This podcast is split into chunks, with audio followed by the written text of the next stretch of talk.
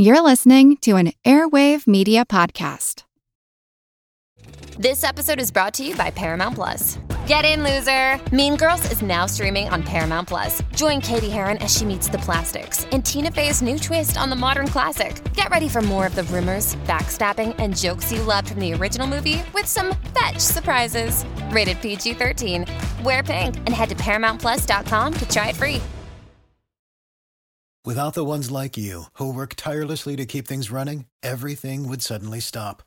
Hospitals, factories, schools, and power plants, they all depend on you. No matter the weather, emergency, or time of day, you're the ones who get it done. At Grainger, we're here for you with professional grade industrial supplies. Count on real time product availability and fast delivery. Call clickgrainger.com or just stop by. Grainger for the ones who get it done. This is Kick Ass Politics. I'm Ben Mathis.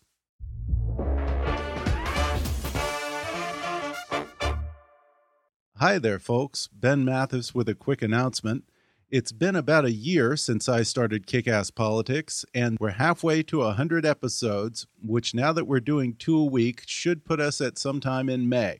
And if you want to help me celebrate, then go to our GoFundMe campaign and contribute $50 to our end of the year fundraising campaign. I'm trying to raise our entire production budget for the coming year by the end of this year, 2015 and it's getting down to the wire, so I need your help. Go to gofundme.com backslash kickasspolitics or click on the donate link on our website at kickasspolitics.com and give $50 to celebrate our 50th episode. Then you can take pride in the fact that you're part of what I'm doing here and help us get to 100 episodes within just a few months. Another neat way you can help out, believe it or not, is just by doing your holiday shopping. If you decide to order anything through Amazon.com, doesn't matter if it's books, electronics, toys, jewelry, whatever, before you do that, go to the sponsor page on our website at kickasspolitics.com and click on the Amazon link, and then do your shopping. If you do that, Amazon will kick us a little coin here at Kickass Politics for every dollar you spend. It's like giving two Christmas gifts for the price of one. But only if you go to Amazon through our website at kickasspolitics.com. You're going to do your Christmas shopping anyway, and this way you'll get the satisfaction of ordering that perfect gift for your kids, your wife, your best friend, whoever. And at the same time, you'll be supporting Kickass Politics and helping to keep us running over here. Just go to the website at kickasspolitics.com and click on the Amazon link on our sponsor page. It's that simple. And while you're there, check out some of the other cool holiday deals from our partners on the sponsor page. So thanks for helping me get to 50 episodes, and I hope you have a great Thanksgiving. And now, enjoy the show. Hi there, I'm Ben Mathis, and welcome to Kick Ass Politics. A couple of weeks ago, I had Steven Lee Myers on the program, and we talked about his book, The New Tsar The Rise and Reign of Vladimir Putin. In his estimation, Vladimir Putin is a man motivated by genuine Russian nationalism and a deeply held worldview focused on bringing order out of chaos. He also said one day Vladimir Putin would like to step down and quietly retire. Well, today I'm giving equal time to the opposition with my guest who says, No way. Vladimir Putin will hold on to power for dear life, even if it means taking Russia and the whole world down with him. He says Vladimir Putin believes in only one thing Vladimir Putin. And he says Putin is a ruthless dictator who shows frightening similarities to Adolf Hitler. And believe me, this guy would know because my guest today has been leading the call to end the Putin era in Russia. He even ran for president against Vladimir Putin's hand selected puppet, Dmitry Medvedev, in 2008. He's Garry Kasparov. If you know that name, then you probably either follow Russian politics or you play chess, because Garry Kasparov spent 20 years as the world's number one ranked chess player, and by most accounts, he's probably the greatest chess master of all time. In 2005, he retired from professional chess and became the most high profile and outspoken activist against the authoritarian regime of Vladimir Putin. His 2008 campaign for president of Russia ended with him withdrawing from the election in protest after a constant stream of dirty tricks, violence, and outright election fraud orchestrated by the Putin machine made it impossible for him to stand for election. Then, in 2012, he was arrested, beaten up, and questioned after a peaceful protest outside of a Moscow courthouse. That's when his friend and fellow activist Boris Nemtsov advised him to do what's best for his family and carry on the fight from outside of Russia. Incidentally, that's the same Boris Nemtsov who was assassinated in Moscow just last February. Garry Kasparov now lives in self imposed exile in New York, where he serves as chairman of the Human Rights Foundation. He's written a new book called Winter is Coming Why Vladimir Putin and the Enemies of the World Must Be Stopped. Today, he's coming on the show with a dire warning that Putin has gone from being Russia's problem to being a problem for the entire region. And if not stopped, he's going to become a very dangerous problem for the whole world. Coming up with Garry Kasparov in just a moment.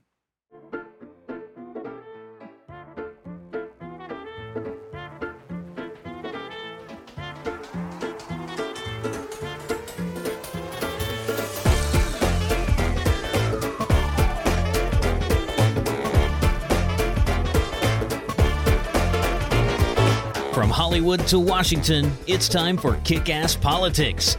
And now here's your host, Ben Mathis. My guest today is Garry Kasparov. For 20 years, he was ranked the number one chess player in the world. And then in 2005, he set aside his chessboard to get into politics and become a political activist. His new book is Winter is Coming Why Vladimir Putin and the Enemies of the Free World Must Be Stopped. Garry Kasparov, thank you so much for coming on the show. Thank you for inviting me. Well, I loved the book. I wish that it weren't necessary uh, for you to have written a book like this. It really is a call to arms and a wake up call for the West because uh, I'm assuming this book probably isn't even being published in Russia uh, for obvious reasons. Um, who is your intended audience for this book? Yeah, absolutely. Uh, the, the, Western audience should hear the story and to understand the dangers we're facing now, and also to understand how many mistakes were made uh, after the end of the Cold War, uh, and uh, to um, also learn about missed opportunities that could change our world for better in the last 25 years. But it's also a very important book for Eastern European nations. almost every country in Eastern Europe signed a contract to uh, release the book in, in, in their native tongue because Eastern Europeans, Poles, Czechs, uh, Hungarians, uh, um, uh, Finns, they all they're well aware about the dangers from Putin's Russia today. the book has three stories in one. It's um, it's about the rise and the fall of Russian democracy from Gorbachev's retreat from Eastern Europe to Putin's invasion of Ukraine. It's a personal perspective of me as a witness and in many cases as a participant in, in, in, the events described in the book.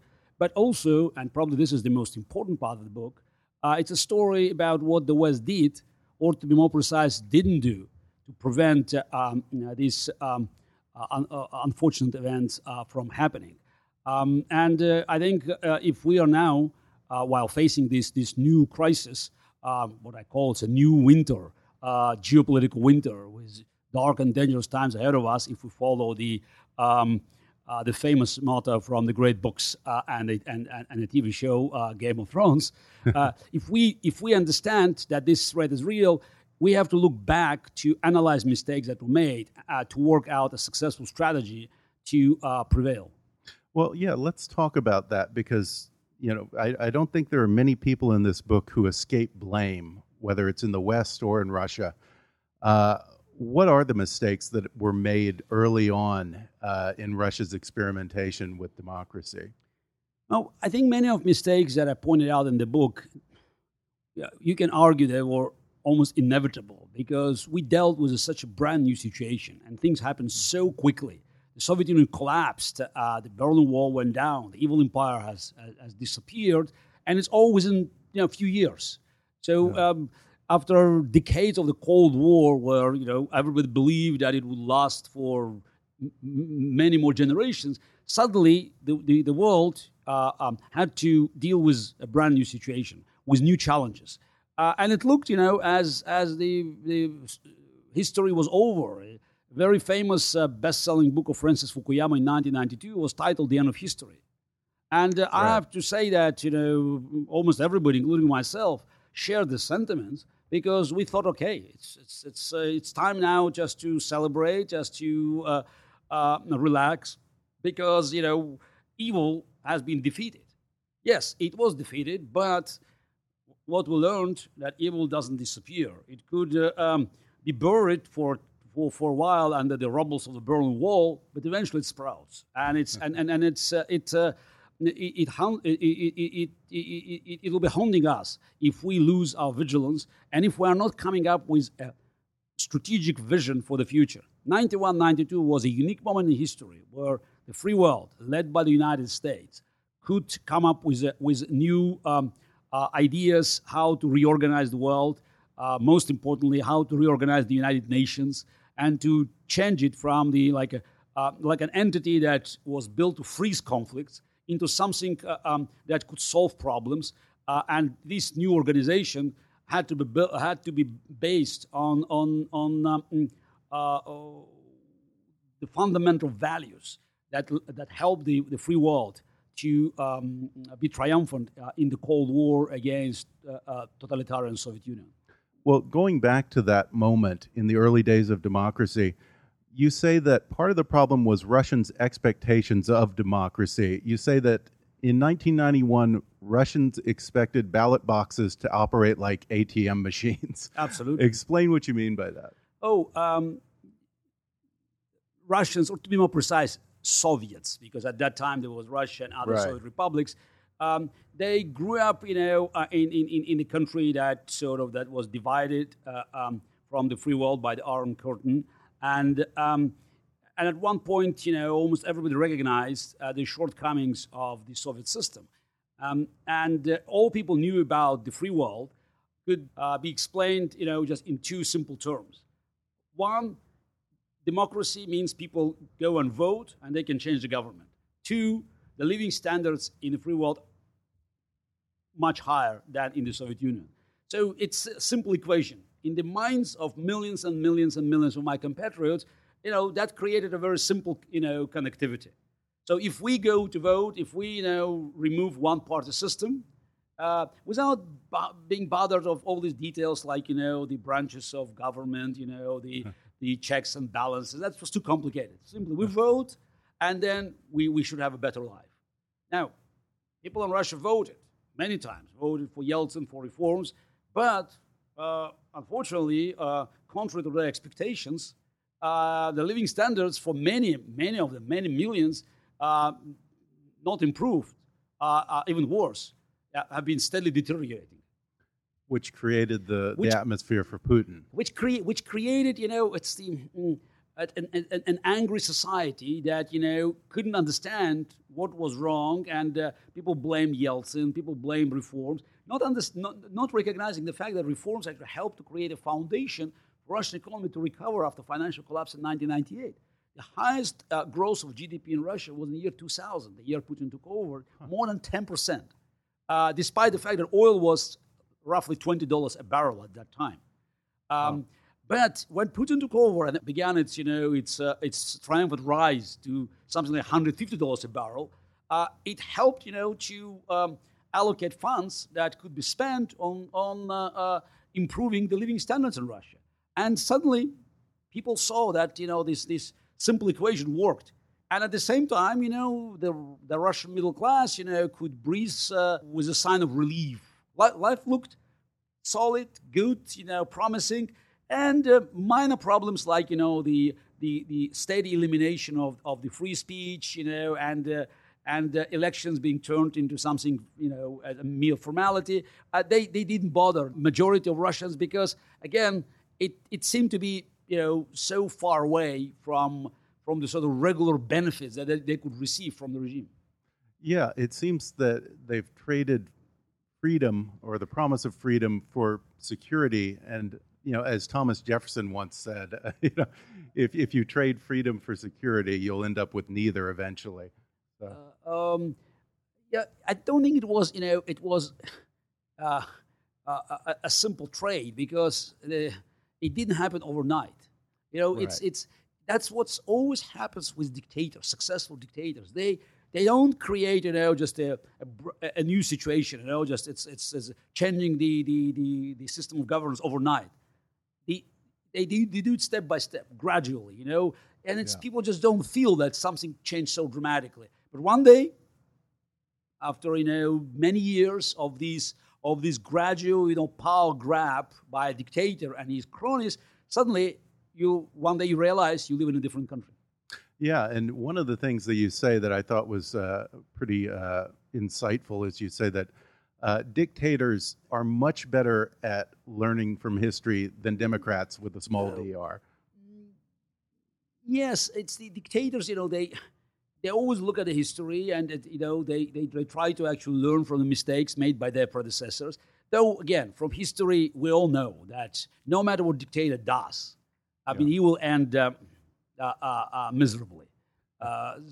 but um, they always try to come up with sort of new algorithms to boost their staying power because you know you have new technologies. It's the, the geopolitical situation always changes, and they are much faster in reacting to, to the changes because they don't have to to ask uh, the Congress uh, uh, about you know extra funding. They don't have to be bothered about the press criticism. They don't care about next elections because it's all it's all fixed. It's all under control.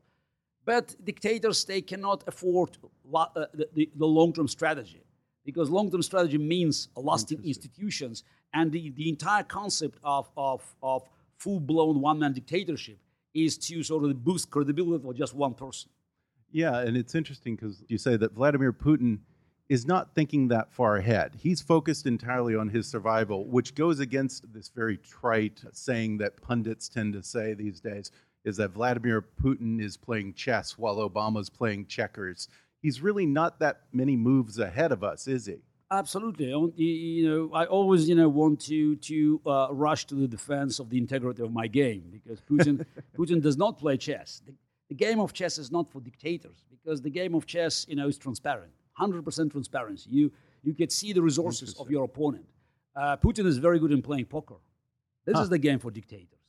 uh, the game where you can bluff. The game that, you know, uh, that when, when information is hidden and, and you can win with a weak hand. It's all about your ability to bluff. And KGB guy, he's, he's, he was very, very good operative. He knows how to bluff. He knows how to blackmail. And he can gauge the caliber of the opposition.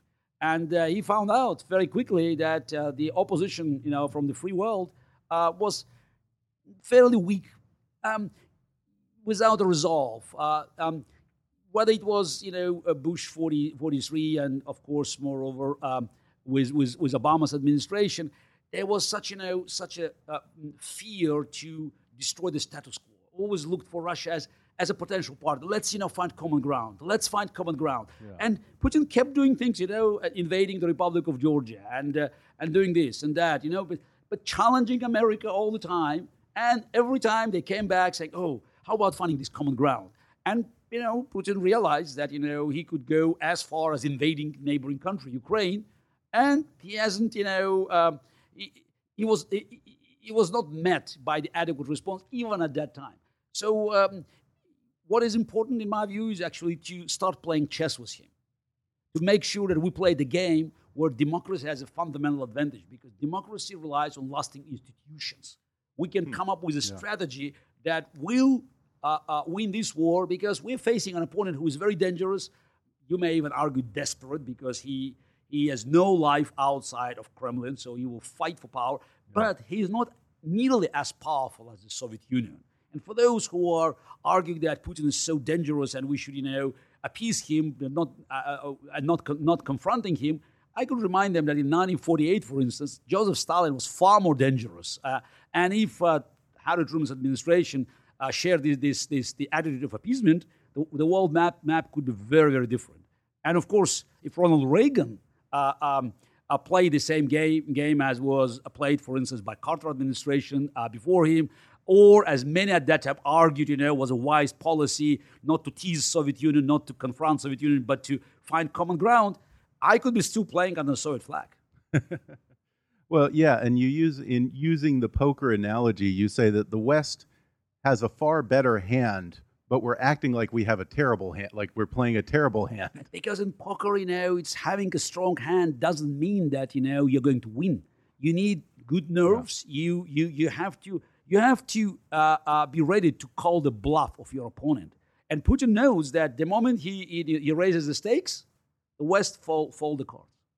Yeah, and the West tends to treat Russia with this timidity, like uh, having an emotionally volatile relative at Thanksgiving dinner. Everyone's like, "Don't upset him," you know, be be very respectful. Don't bring up this. And you say that this mentality is only going to make the problem much, much worse down the road. I mean, if you want to know about true dangers from Putin's Russia, ask Estonians, Latvians, Finns, yeah. Poles, those who suffered under Soviet occupation, and those who are very concerned and fearful, rightly so, about the rise of Putin's Russia and the threat that is coming from there, because Putin's in, in, in, being desperate, you know, could do whatever, even to cross NATO borders if uh, a Russian economy bankrupt, bankrupt at that moment where oil, say, is $20 a barrel, goes back mm. to where it was when Putin to, to, uh, took over.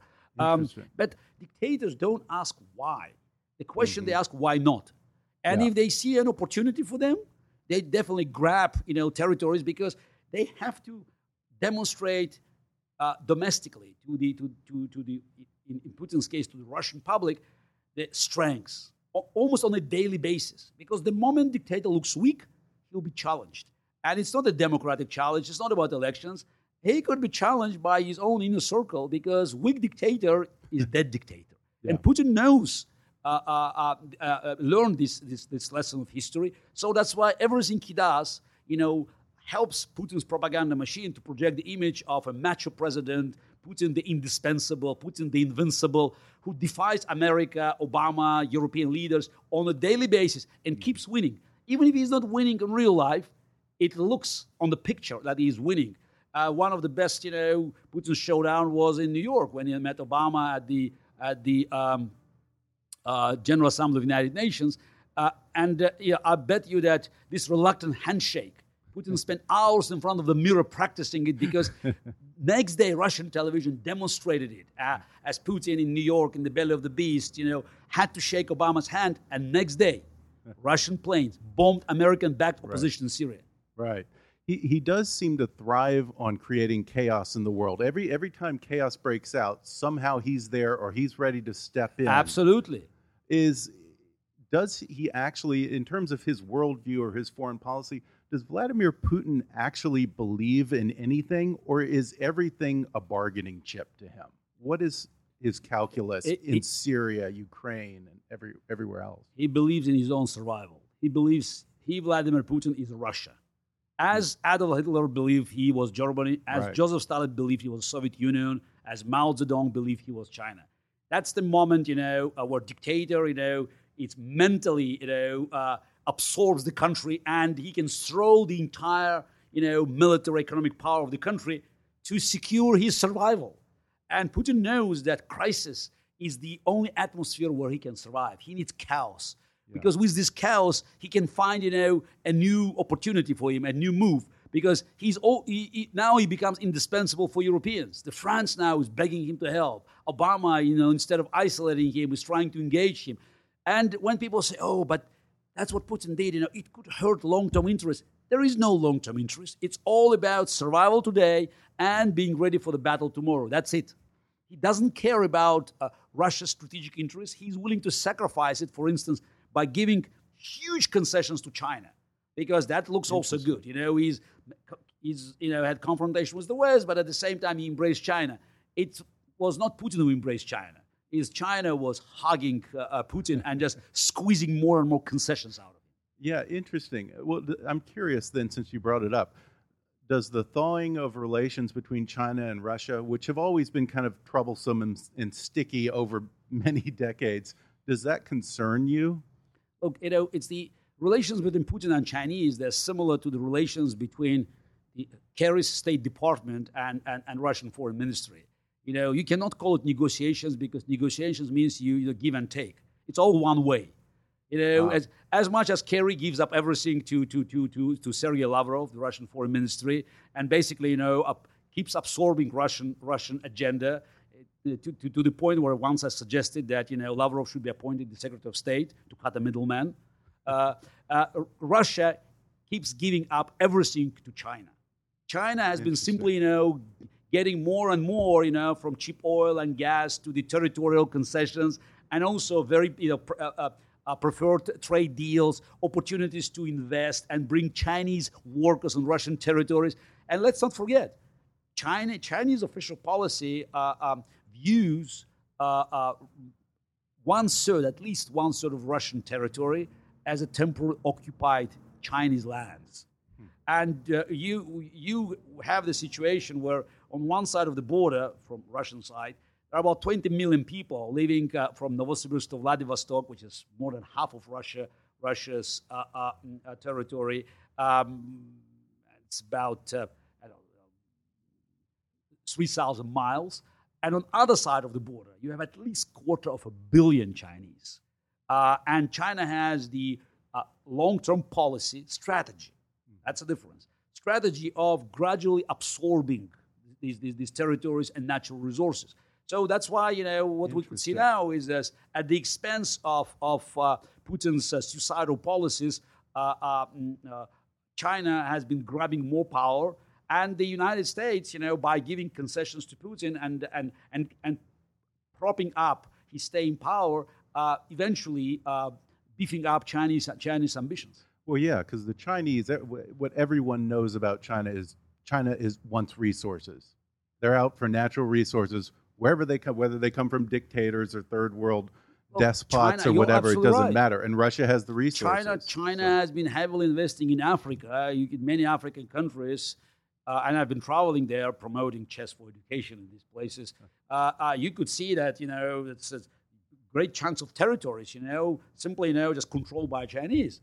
Uh, but Africa is far away. Russia is just you know next door. Right. And and uh, China needs resources, but also it needs territories. It needs land for for its population. You Mm-hmm. Know, for this fast growing population. Now, by the way, they abandoned one child policy. It'll be more Chinese. Right. And what we, if you look at the map, tell me where they can move. In the south, there are overpopulated countries like India, Vietnam, Pakistan. Uh, on the east is ocean. On the on the west, desert. The north is the only only direction, and there is, is Russia with vast natural resources and very few people. Yeah, I was just going to say that's a convenient trade-off. You know, their population is going through the roof, and the Russian population is plummeting. Oh, except North Caucasus, you know, where Oh, the really? where, where the, uh, the the demographic situation uh, is different from the rest of Russia. It's it's it's the the territories, you know, um, um, mm, with- with majority uh, is Muslim, and uh, they definitely have a very different uh, uh, number of kids per family. So and uh, and we could see the steady growth of population in Chechnya and in neighboring republics in the North Caucasus, uh, and that's that's another potential challenge because we have China, China uh, on the on on the east, and then we have radical Islam that has been steadily gaining uh, uh, power in, in, in the south of Russia. So I believe that longer Putin stays in power, you know, uh, uh, le- less chances for Russia to uh, have a peaceful or not not very turbulent transition to to a normal democratic society without losing huge chunks of the territory. Well, we're going to take a quick break, and then I'll be back to talk more with Garry Kasparov.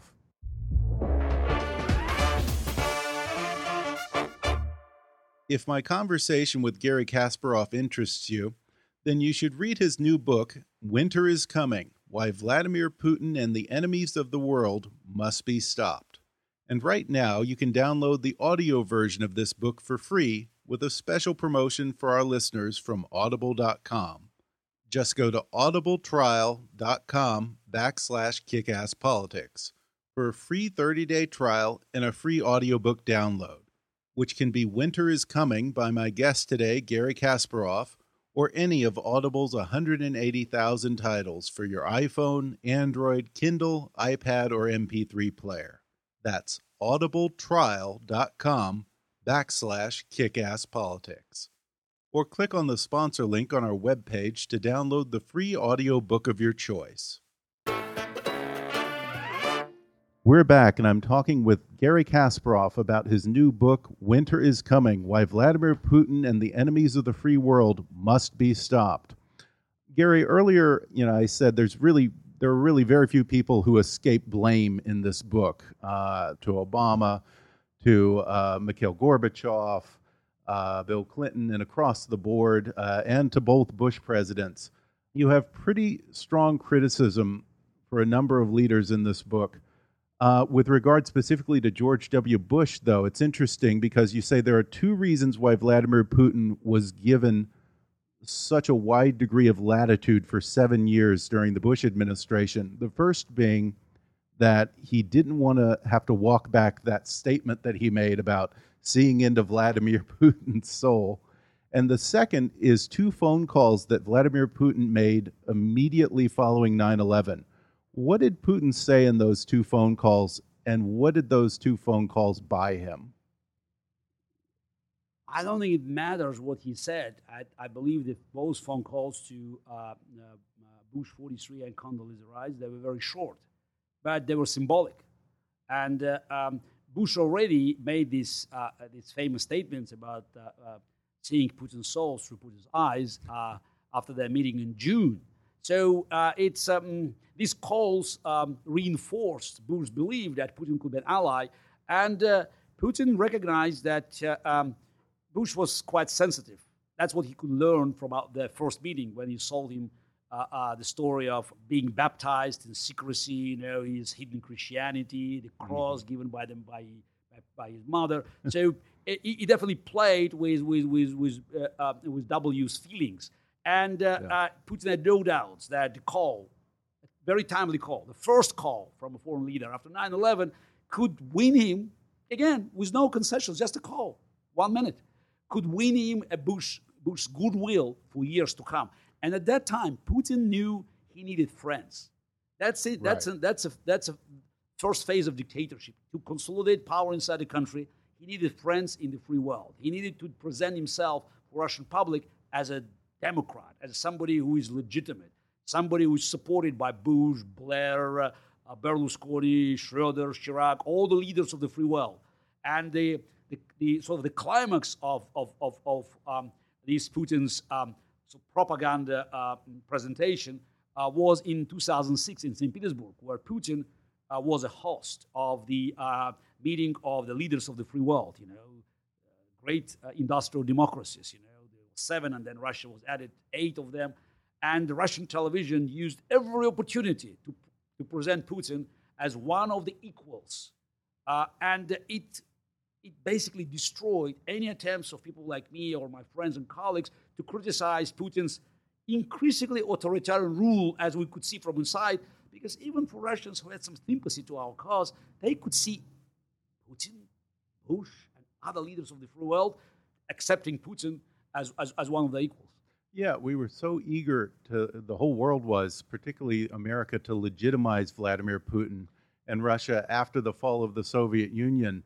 And one thing that you that really bugs you is uh, the G8. How how quickly Russia was allowed into the G8, and you don't even call it G8 anymore. You say it's the G7. They Plus never one. should have been yes, in there. Yes, yeah. Uh, actually, it was it was given as an advance to Yeltsin and uh, also you know very critical about Clinton administration for missing many opportunities actually to stop some of the clandestine operations uh, of uh, of uh, Russian government under Yeltsin, uh, like you know the beginning of the nuclear cooperation with Iran. Very few people remember that it was in 1995 when the U.S. Congress passed a resolution uh, tying future financial aid to Russia to the end of the transfer of Russian nuclear technology to Iran. And Bill Clinton decided that it was not important for national security and let Yeltsin continue it. And I could, I could keep counting these, these moments where uh, decisive and uh, thoughtful action in the 90s could help us to avoid problems that right now are just banging in our door. Yeah. Well, it was 2005 that you decided to retire from 20 years as chess champion of the world and to go into politics.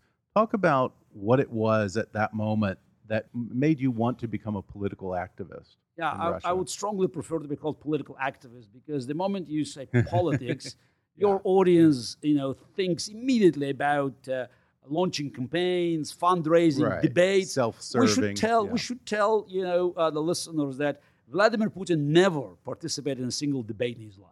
So the only debates in Russia is between protesters and riot police, and of course, riot police always wins. Yeah, yeah, um, and uh, of course, elections. But elections in Russia was always a charade under Putin, and uh, I, I uh, reminded people time and again that our goal was not to win elections, but to have elections. Um, and that, that was more like a making statement. I didn't expect uh, uh, be on, on the winning side, you know, unlike uh, uh I, I, I, used to be in, in, in, in the world of chess. But it was, it was a moral duty. I um, knew that, uh, uh that the country was in trouble and um, Putin could be the, the real danger for the, for the future of Russia. Uh, if he if, if, if he if he stayed in power for, for, for, for life, as I at that time suspected would be would be the case. Um, and also, you know, I wanted my kids to grow up uh, in, in a free country, though it's it's not the case yet. But at least, you know, I have a clean conscience. I did what I could, uh, uh um, taking considerable risk that uh, was um, was also a problem for, for, for, for, my family. And I ended up in yeah. exile now because uh, going back to Russia for me will be a one, one way ticket. Um, but at the same time, I think it's, it's important that, you know, um, people eventually realized that our prediction in uh, 2006, 2007, 2008 about Putin eventually uh, becoming a problem for everybody, from being Russian problem uh, uh um, to be the, the problem the, the, problem for everybody.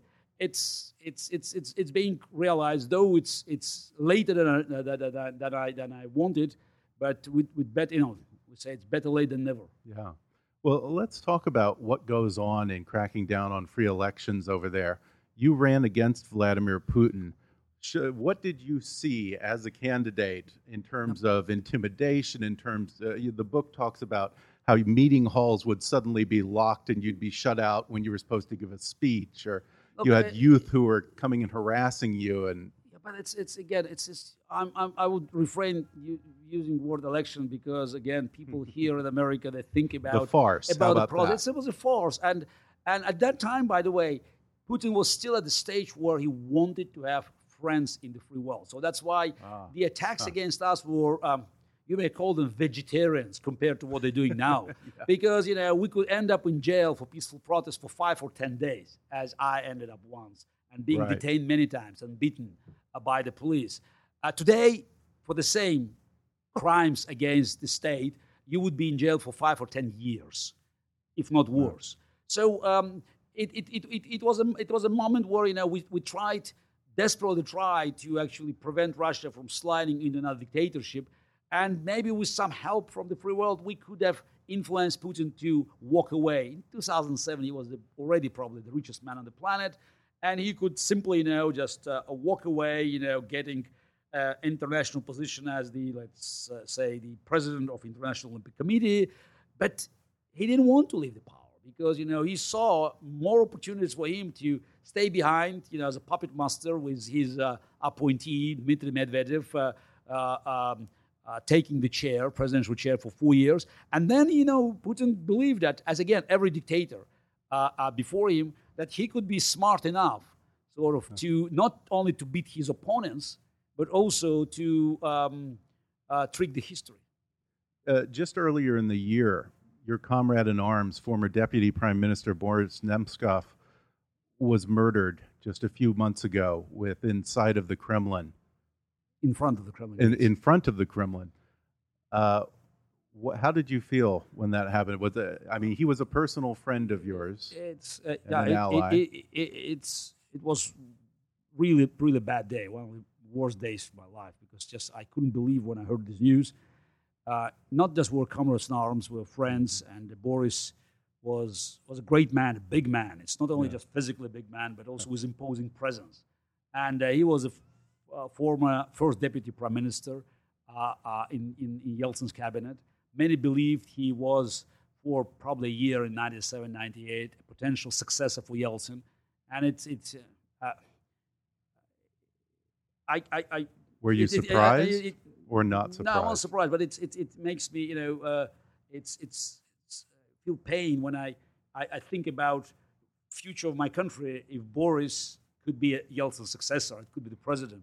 Um, I was not surprised because Boris was uh, so critical of Putin. It's maybe critical is understatement. He was he has been blasting Putin on a daily basis, uh, and he he was too proud to leave the country, and he actually recommended me. I mean, strongly advised me not to return in March 2013 when I received this uh, kind invitation from the Russian Investigative Committee to show up and to talk about our political activities. And Boris said, "Look, if you enter this building uh, uh, as a witness, if you leave the building, you will be the suspect. So you'd better stay away, Garry." And I did, and I'm here. I'm, you know, I'm alive. I'm free, and uh, I could only wish that Boris followed his own advice, and we could fight together um, uh, um, from from afar. Well, like you said, you're now living in New York uh, in self imposed exile.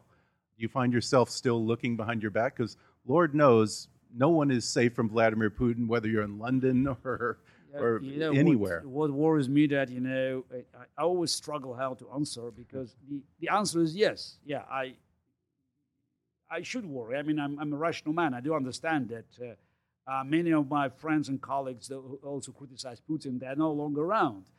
Uh, at the same time, I'm in America. I'm quite far away, but but looking at the at the at the uh, very weak response from the Western leaders to Vladimir Putin's actions, I don't understand that. You know, just Putin could go anywhere uh, uh, with almost any actions now.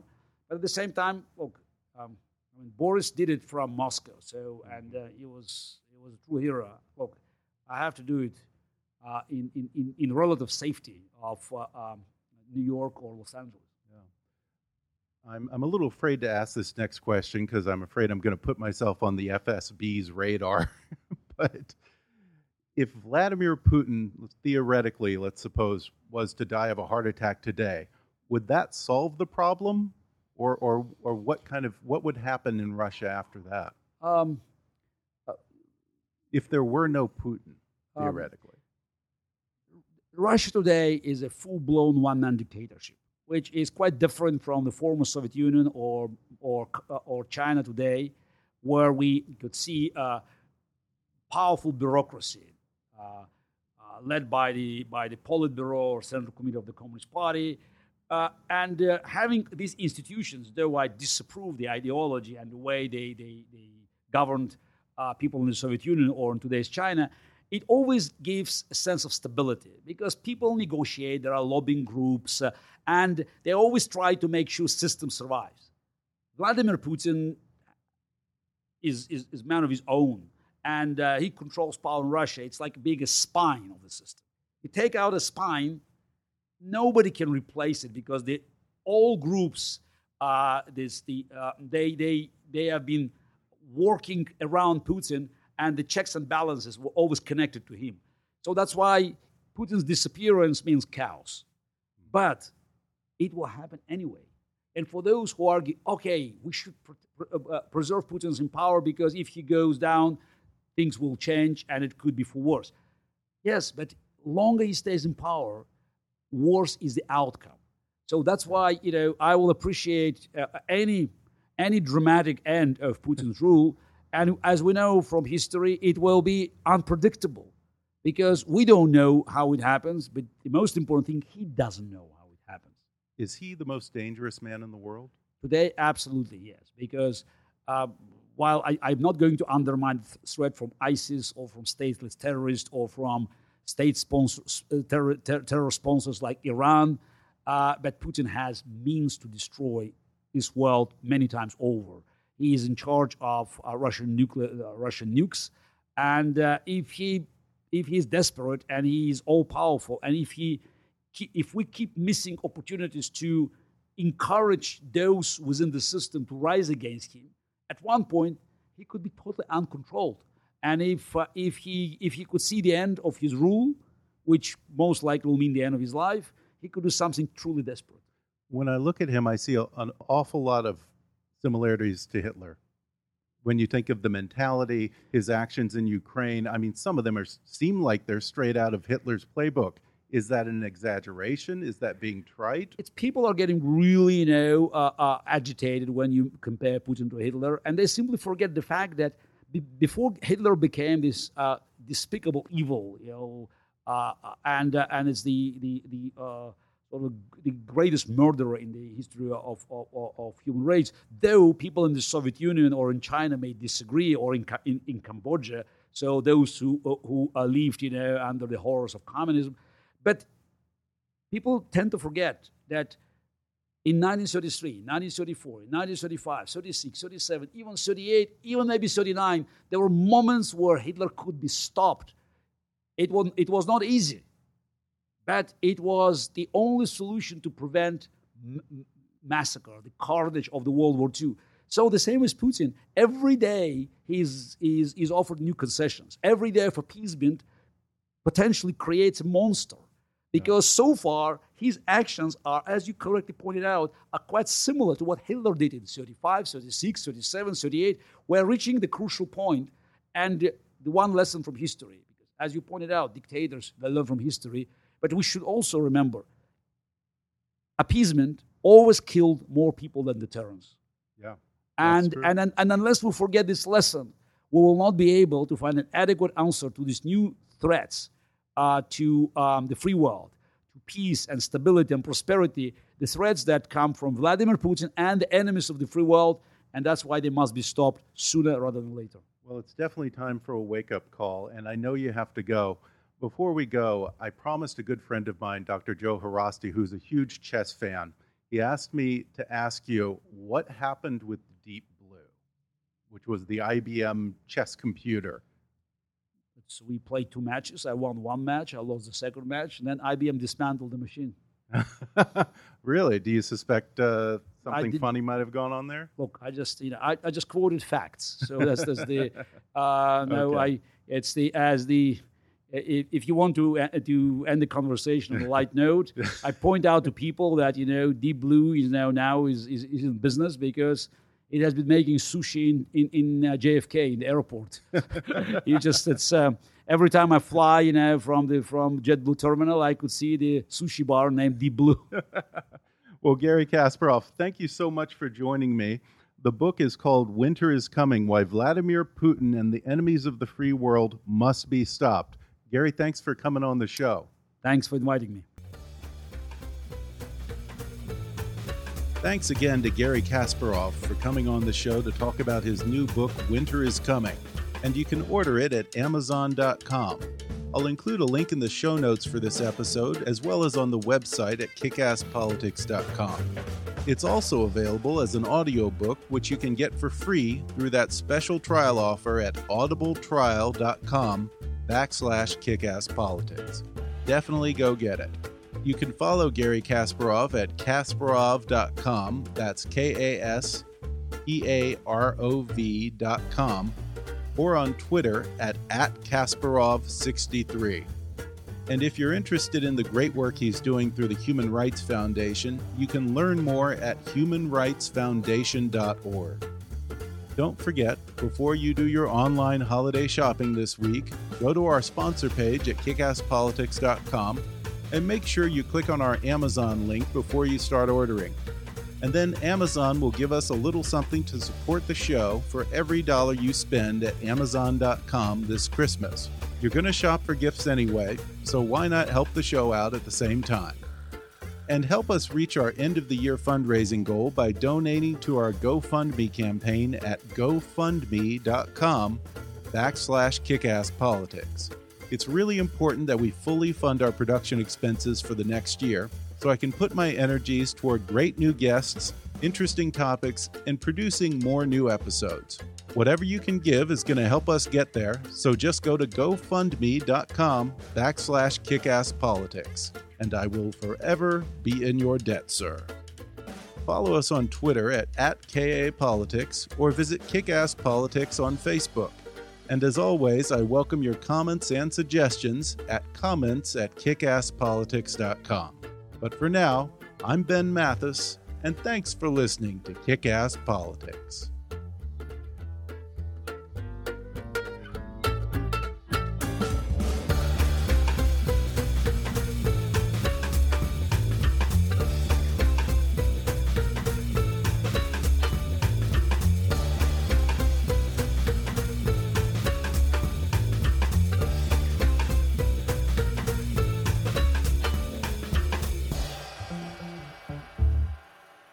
This podcast may not be reproduced without express written permission. Kickass Politics is a trademark of Mathis Entertainment, Inc.